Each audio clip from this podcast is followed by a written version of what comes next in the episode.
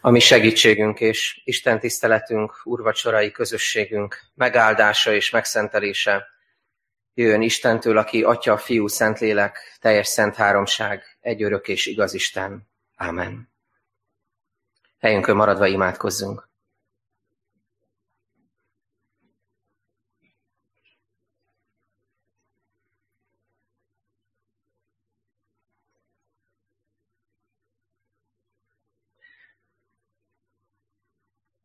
Úrunk, köszönjük neked, hogy arra késztetsz, hogy csöndben legyünk.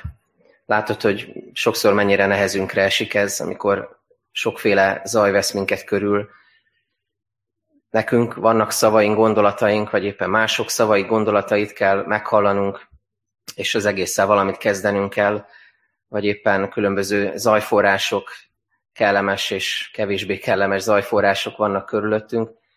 De köszönjük, hogy most egy kicsit elcsöndesedhetünk a színed előtt. És köszönjük, hogy hívhatunk téged. Jöjj, megújító, Szentlélek Isten. Jöjj most közénk, a mi közösségünkbe, a szívünkbe. Jöjj a gyülekezetünkbe, jöjj erre a helyre, jöjj az otthonainkba, ahol vagyunk. Jöjj megújító lélek, eleveníts meg bennünket. Köszönjük, megújító Szentlélek, hogy jelet adsz a testünkben is, amikor a biológiai létez, létezésünkbe kódolt módon időről időre megújulnak a sejtjeink, a szerveink. És jelet adsz abban is, ahogyan a természet megújul, és ez követi az évszakok váltakozását. És mindez arra irányítja a figyelmünket, hogy te szeretnél lelkileg is, hitben is megújítani minket. Köszönjük, hogy most ezt hittel kérhetjük, hiszen te látod, hogy milyen körülmények közül, milyen élethelyzetekből érkezünk meg erre az alkalomra, de az egész biztos, hogy mindannyiunknak szükségünk van a megújulásra, a kapcsolatainkban, a hivatásunkban, a munkánkban, a család életünkben, a Krisztus követésünkben, a gondolkodásmódunkban, a látásunkban, abban, ahogy a világ dolgaihoz viszonyulunk. Kérünk, hogy újíts meg minket, Szentlélek, mert egyedül neked van erre hatalmad. Jöjj, Jézus lelke, frissíts fel bennünket, és enged, hogy megújult szívvel mehessünk majd tovább utunkon. Jöjj, Teremtő Szentlélek! Ámen. Isten égét olvasom, helyünkön maradva hallgassuk, és az ige magyarázatot is. A mai napra kijelölt Ószövetség ige szakaszt olvasom nektek, Mózes második könyve 34. részéből az első kilenc ige verset. Azután azt mondta az Úr Mózesnek, farag két kőtáblát az előbbiekhez hasonlókat. Én pedig majd felírom a táblákra azokat az igéket, amelyek az előbbi táblákon voltak, amelyeket összetörtél. Reggelre légy készen, aztán jöjj fel reggel a sínai hegyre, és állj ott elém a hegy csúcsán. Ne jöjjön fel veled senki, ne is mutatkozzék senki az egész hegyen, se juhok, se marhák ne legeljenek a hegy tövében. Faragott tehát Mózes két kőtáblát, az előbbiekhez hasonlókat. Majd korán reggel fölment a sínai hegyre, ahogyan megparancsolta neki az úr, és kezében vitte a két kőtáblát. Ekkor leszállt felhőben az úr, Mózes pedig odaállt mellé, és segítségül hívta az úr nevét. Elvonult előtte az úr, és így mondta azt ki.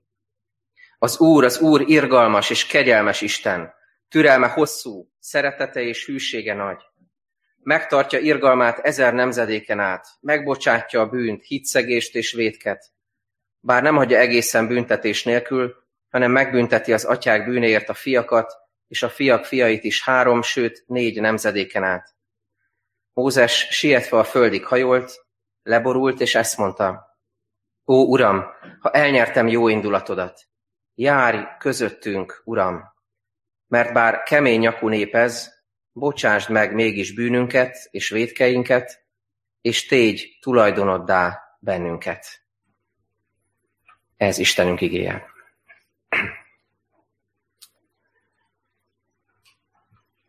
Általában címet szoktam adni a tanításoknak, az ige hirdetéseknek, ezt nem mindig osztom meg veletek, bár mióta van az online közvetítés, ott mindig el lehet olvasni, mi a címe egy-egy ige hirdetésnek, és ennek a mainak azt a címet adtam, hogy egy új reggel az Úrral.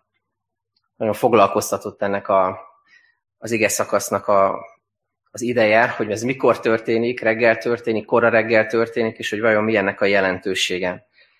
És talán most, amikor megérkeztetek az Isten tiszteletre, hogy idejöttetek, készültetek és megérkeztetek, lehet, hogy az volt néhányatokban, hogy ez egy átlagos nyári vasárnap. Eljövünk, mert éppen itthon vagyunk Budapesten, nem nyaralunk, nem utazunk, nagyon nincs is rá lehetőségünk talán, mert elfőtt a szabadságunk, meg nem lehet külföldre menni, szóval itt vagyunk, eljövünk, és ez egy átlagos nyári vasárnap. És olyan érdekes engedni az Isten lelke hívásának, hogy, hogy meglássuk, hogy ez egy különleges nap. Hogy meglássuk, hogy ez egy különleges vasárnap reggel.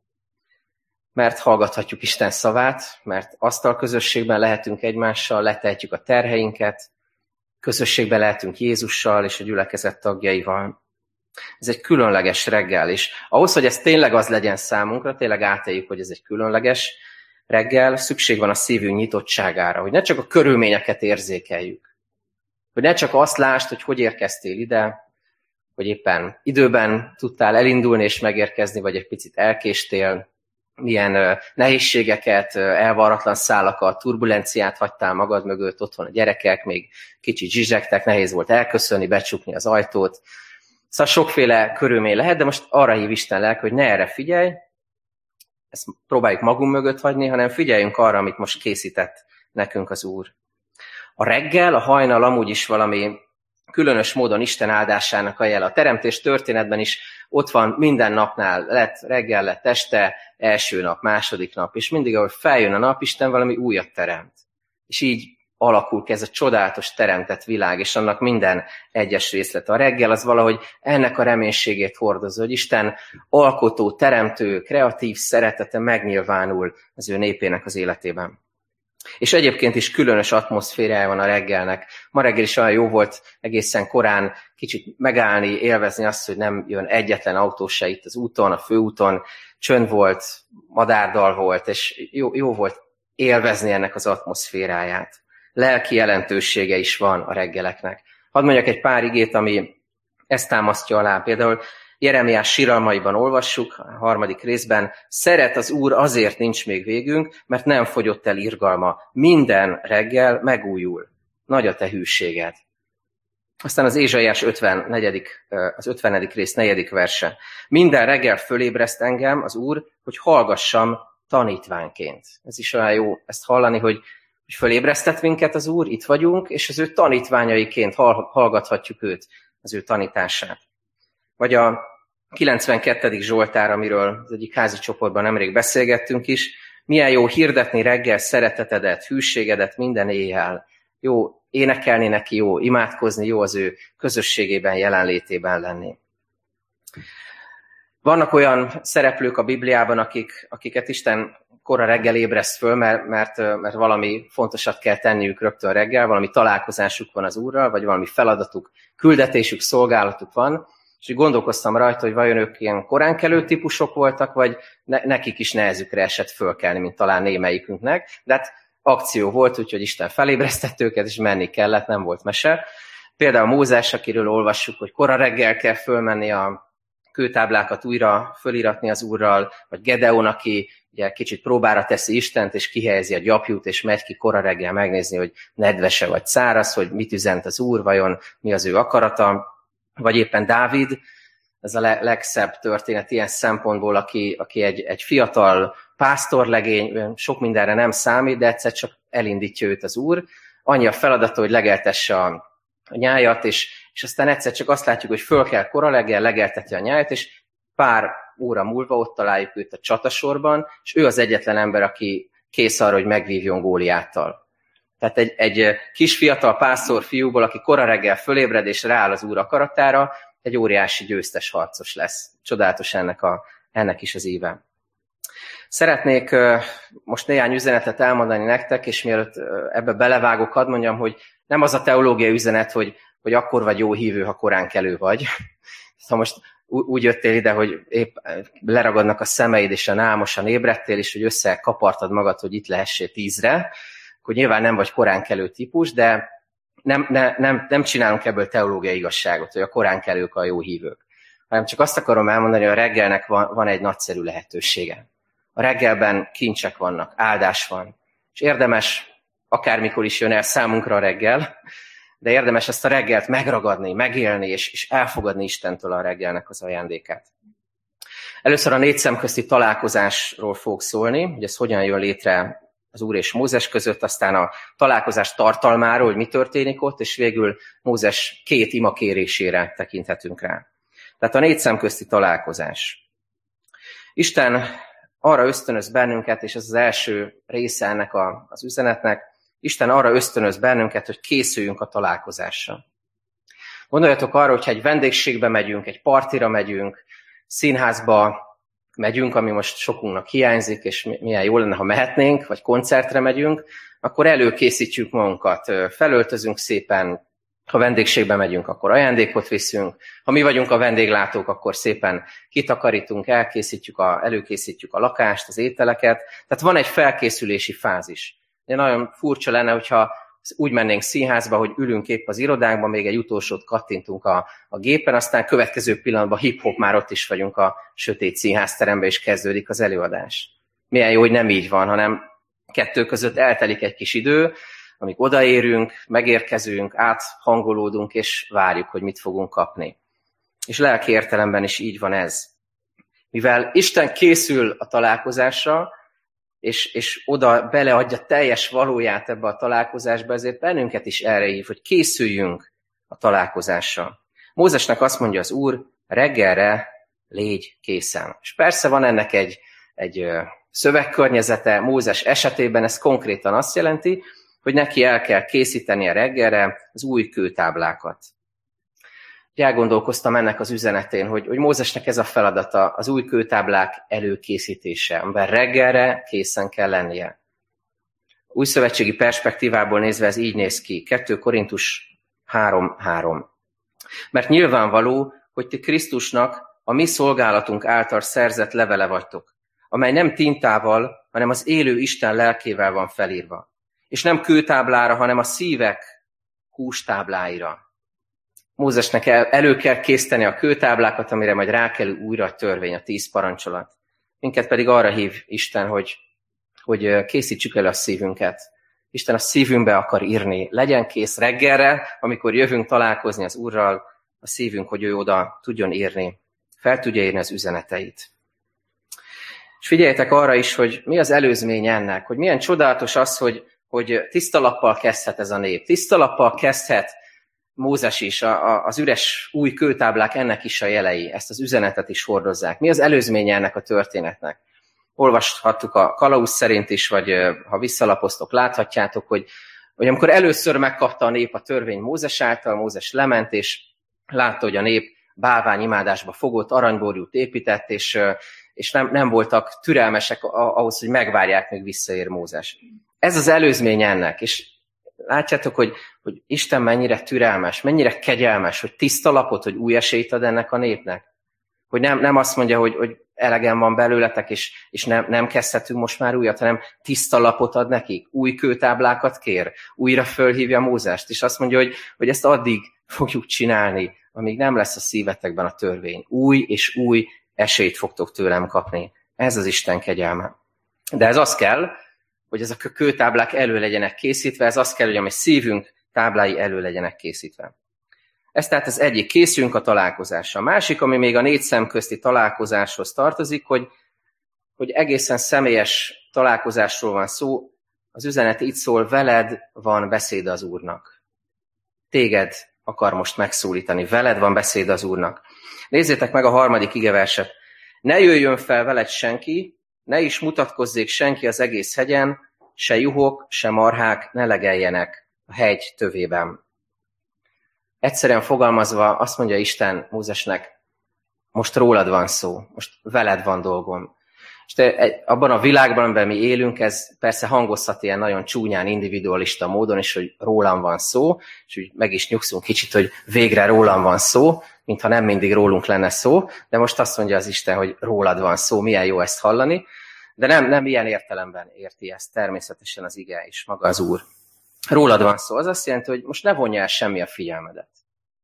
Az elő, előbb arról beszéltünk, hogy milyen fontos a felkészülés, a találkozás, és ennek része ez a másik, hogy, hogy mivel rólad van szó, veled akar beszélni az Úr, ezért Próbálj meg mindent félretenni, ami akadályoz az ige meghallásában. Ne vonja el semmi a figyelmedet. Mózesnek ilyeneket mond, hogy, hogy juhok, hogy marhák, de hozzátehetjük a mi esetünkben, hogy a munka, a gondolataid, amik körül forogsz, a terveid, az intézni valók, az ügyek, a szórakozás, mindez nagyon fontos része az életünknek, de most, amikor az Úr elé jössz, ezt mondja Mózesnek, és ezt mondja nekünk, akkor tegyél félre mindent, ne vonj el semmi a figyelmedet. Figyelj nagyon, az Úr most beszél hozzád, veled van dolga, tegyél félre mindent. És ezen a ponton engedjétek meg, hogy hadd érintsek egy nehéz kérdést, ami az utóbbi időben a karantén idején, meg azóta is talán elénk kerül, és sokan küzdöttünk, küzdünk ezzel. Ez az online térben való jelenlét, az Isten tisztelet kapcsán, és az Úr elé való járulás kapcsán is, az Isten tiszteletek kihívása. És ezt úgy mondom, amiket mondok most majd, nem ítélkezve, hanem úgy, mint ami én, én magam is benne vagyok, engem is megkísértett, és néha elbuktam benne, és én is küzdöttem, küzdök vele. Mert ez egy nehéz és új helyzet mindannyiunk számára. Amikor itt Mózes azt mondja, a Isten azt mondja Mózesnek, hogy ne jöjjön fel veled senki, ne legeljenek ott juhok, marhák. Ez a kép jött elém, hogy, hogy Isten arra hív most bennünket, hogy, hogy, hogy tanuljuk meg a tudatos Istenre figyelést. Hogy amikor online vagyunk jelen, és ez nem csak azoknak szól, akik most is így tesznek, hanem mindannyiunknak, akkor, akkor tudjunk ráfigyelni, akkor tegyünk félre mindent. Gondoljatok arra, hogy mennyire abszurd lenne, hogyha úgy mennénk vasárnap Isten tiszteletre, hogy beülünk a kocsinkba, elmegyünk mondjuk a Városligeti Fasori templomhoz, vagy a Szilái Dezső egy résnyire nyitjuk az ajtót, bekukucskálunk, belehallgatunk a, az énekbe, talán még mi is vele dúdoljuk, dúdoljuk a dicséreteket, aztán elkezdjük az igehirdetés, hogy becsukjuk az ajtót, és beülünk a kocsinkba, és elmegyünk egy másik templomhoz. És ezt ugyanezt eljátszuk, ott belehallgatunk a tanításba, úgy tetszik, ez kicsit jobb, mint az előző, és megyünk tovább. Ugyanilyen abszurd, vagy, vagy ugyanilyen nehéz, inkább így mondom, amikor kattingatunk, amikor nem tudunk végigülni egy Isten tiszteletet, amikor éppen online hallgatjuk. Persze, csak zárójelben mondom, ez egyébként itt is előfordulhat velünk, mert gondolatba is félre lehet kattintani. Tehát a gondolataidat is odébb tudod kattingatni, és másfelé uh, tudod terelni. De Isten arra akar hívni, hogy újuljunk meg abban, hogy most ő rá figyelünk. Hogy semmi nem vonja el a figyelmünket. Hogy most nem Excel táblákkal foglalkozunk, miközben éppen Isten tiszteletet figyelünk, és az Úrra figyelünk, hanem, hanem arra figyelünk, hogy ő mit akar nekünk mondani. Készülünk rá, és komolyan vesszük azt, hogy velünk van beszéde az Úrnak. Ez volt az első tehát, és hogy egy kicsit mélyére menjünk ennek, nézzük meg, hogy mi a találkozás tartalma, hogyan történik ez, mi történik ott. Befejeztük a sorozatunkat az ős történetekről, és Bábel tornya volt az utolsó része ennek, a büszkeség tornyának a felépülése. És ott olvastunk arról, hogy Isten leszállt egy nagy vállalkozásba fognak az emberek, és Isten lenéz, és látja, hogy a kicsiny emberkék egy égig érő tornyot akarnak építeni. És ezt a kifejezést használta az ige, hogy, hogy Isten leszállt, hogy lássa. Azt fejezi ez ki, ironikus módon, hogy a hatalmas Istennek ez az óriási vállalkozás is icurka, picurka és emberi dicsőségvágyból ered. És azt azért mondtam el, mert ebben az igerészben ugyanezt a kifejezést olvassuk, hogy Isten leszállt felhőben a hegyre, mennyivel más minőségű ez a kifejezés. Itt nem azért száll le Isten, hogy megítélje az emberi dicsőségvágyat, hanem azért száll le Mózessel való közösségbe, a nép felé közeledve, hogy megújítsa őket, hogy megbocsásson nekik, hogy megajándékozza őket a törvényel, az ő akaratával. Mit csinál Mózes ebben a találkozásban? Először is párbeszédben van az Úrral. Jó ezt olvasni, hogy ő Isten dicsőítve van jelen, énekel, imádkozik, hitvallást mond, bizonságot tesz, bűnvallást tesz. A hatodik, hetedik versekben ezeket olvassuk, hogy elvonul előtte az Úr, és ezt mondja Mózes, az Úr irgalmas és kegyelmes Isten, türelme hosszú, szeretete és hűsége nagy, és aztán elmondja, hogy, hogy hogyan kéri a bocsánatot az Úrtól, bűnvallást tesz, bizonságot tesz. Énekel az Úrnak.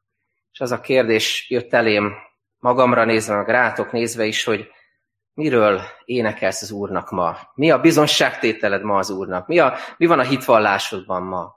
Mert hogy az énekeink azok nem csak azok, amik itt meg, le vannak írva, meg vannak fogalmazva, és énekeljük közösen, hanem meg kell, hogy szülessen a szívünkből is egy személyes ének, egy személyes bizonságtétel, hitvallás és bűnvallás az Úr felé. Miről énekelsz ma az Úrnak? Még egyszerűbben fogalmazva, van-e mondani valód Istennek? Bármi van most benned, azt önts ki az Úr elé, amikor jössz majd az Úr asztalához. Hogyha öröm, elégedettség, hála és békesség van benned, az könnyű kiönteni, könnyű felszabadultnak lenni az Úr előtt. Bár néha erről is elfeledkezünk, de, de ezt azért könnyen megfogalmazni, amikor ilyen jó érzéseink vannak. De hogyha harag, ha frusztráció, ha sérelmek vannak benned, Isten arra is kíváncsi. Sokan, akikkel beszélgettem, közületek fogalmazták ezt meg, hogy, hogy ezek, ezeket nem helyén való érzéseknek gondoljuk. Úgy, úgy érezzük, hogyha ilyenek vannak bennünk, hogy, hogy Isten nem fogad el.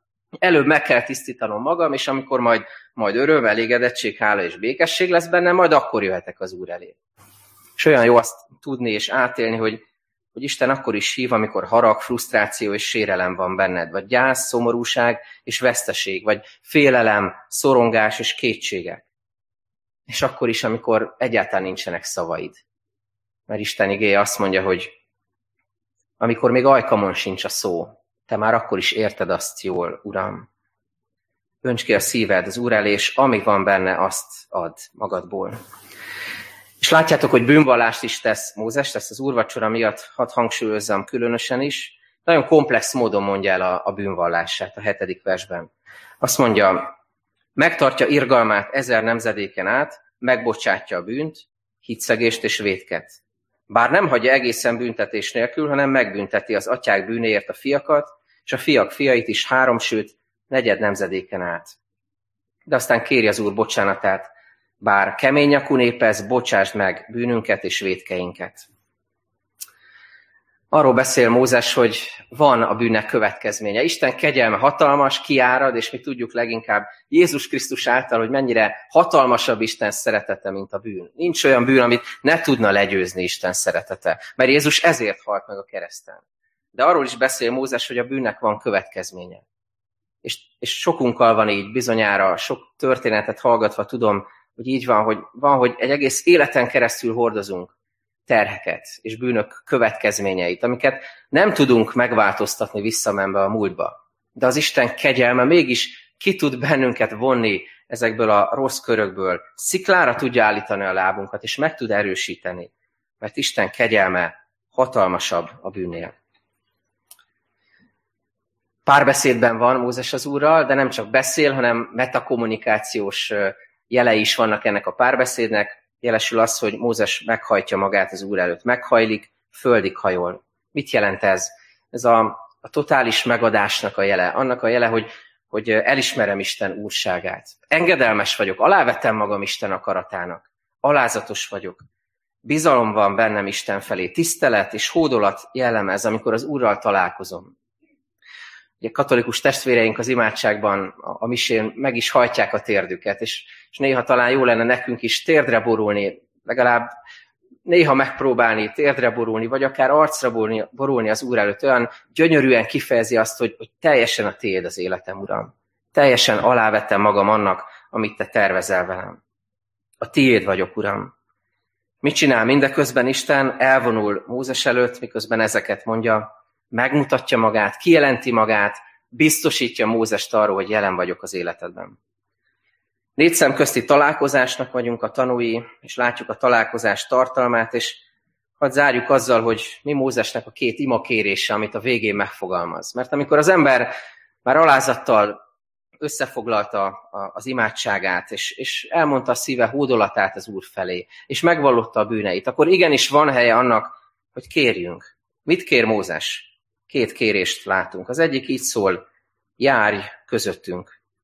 Ó, Uram, ha elnyertem jó indulatodat, járj közöttünk, Uram. A pusztában vándorló népet Isten úgy vezette, mint, mint egy lángoszlop, mint egy felhőoszlop. Nappal és éjjel, és előttük ment, és, és ez a, a, az előmenés olyan volt, mint amikor a pásztor vezeti a nyáját. Előre tekintettek, és látták, hogy merre kell menniük, merre vezeti őket az Úristen ment előttük. De most Mózes egyen mélyebbre megy, és egy más szintre hozza ezt a kapcsolatot az Úrral, amikor azt mondja, hogy járj közöttünk. Mert nagyszerű és nagyon fontos dolog, hogy Isten előttünk jár, hogy vezet bennünket. De ez minőségileg még több, amikor azt tudjuk kérni az Úrtól, hogy járj közöttünk. Légy közel hozzánk, légy velünk, légy a családunk része, légy a gyülekezetünk része, légy a mindennapjaink része. Jézus Krisztus neve ezt jelenti a profécia szerint. Immanuel velünk az Isten.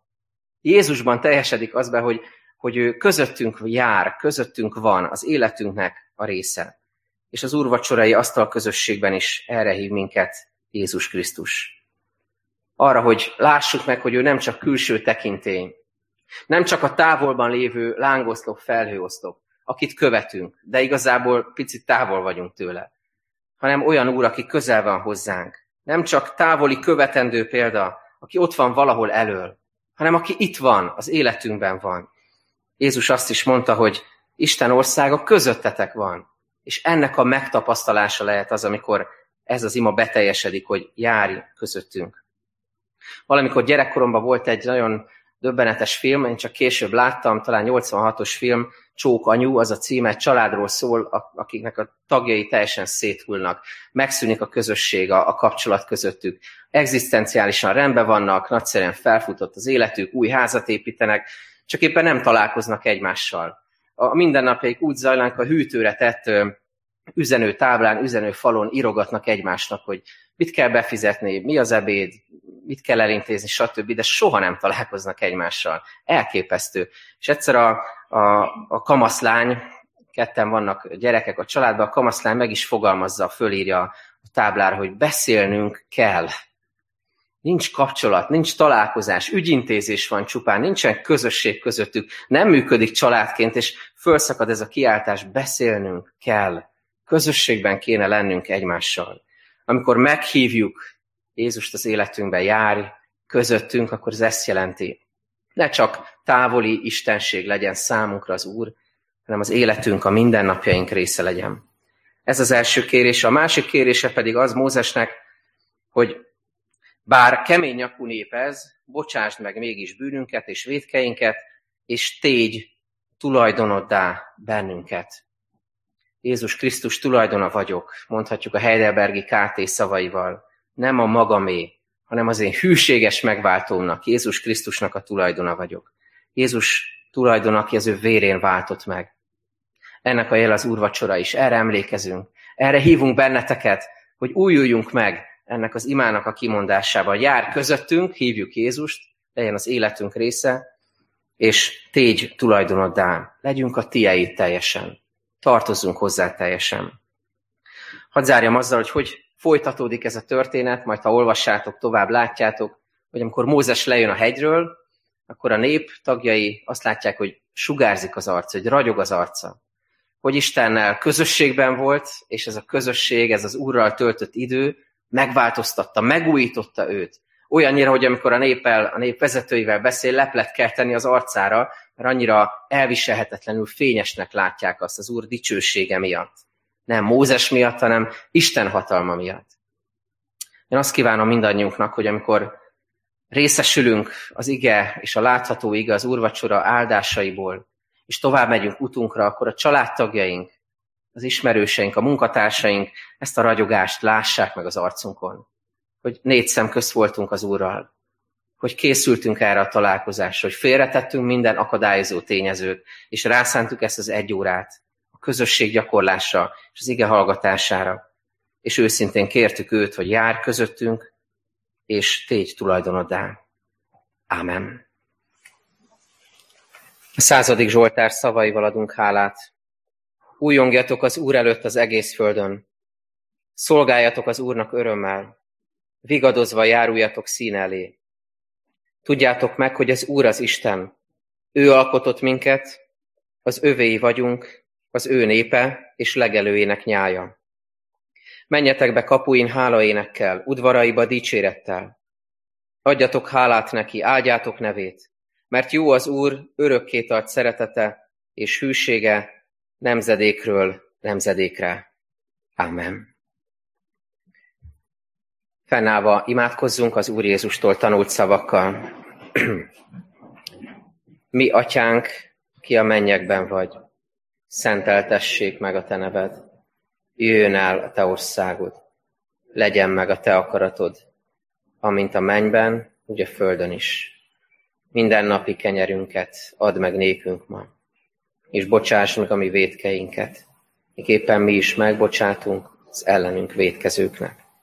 És ne vigy minket kísértésbe, de szabadíts meg minket a gonosztól, mert tiéd az ország, a hatalom és a dicsőség mind örökké. Amen.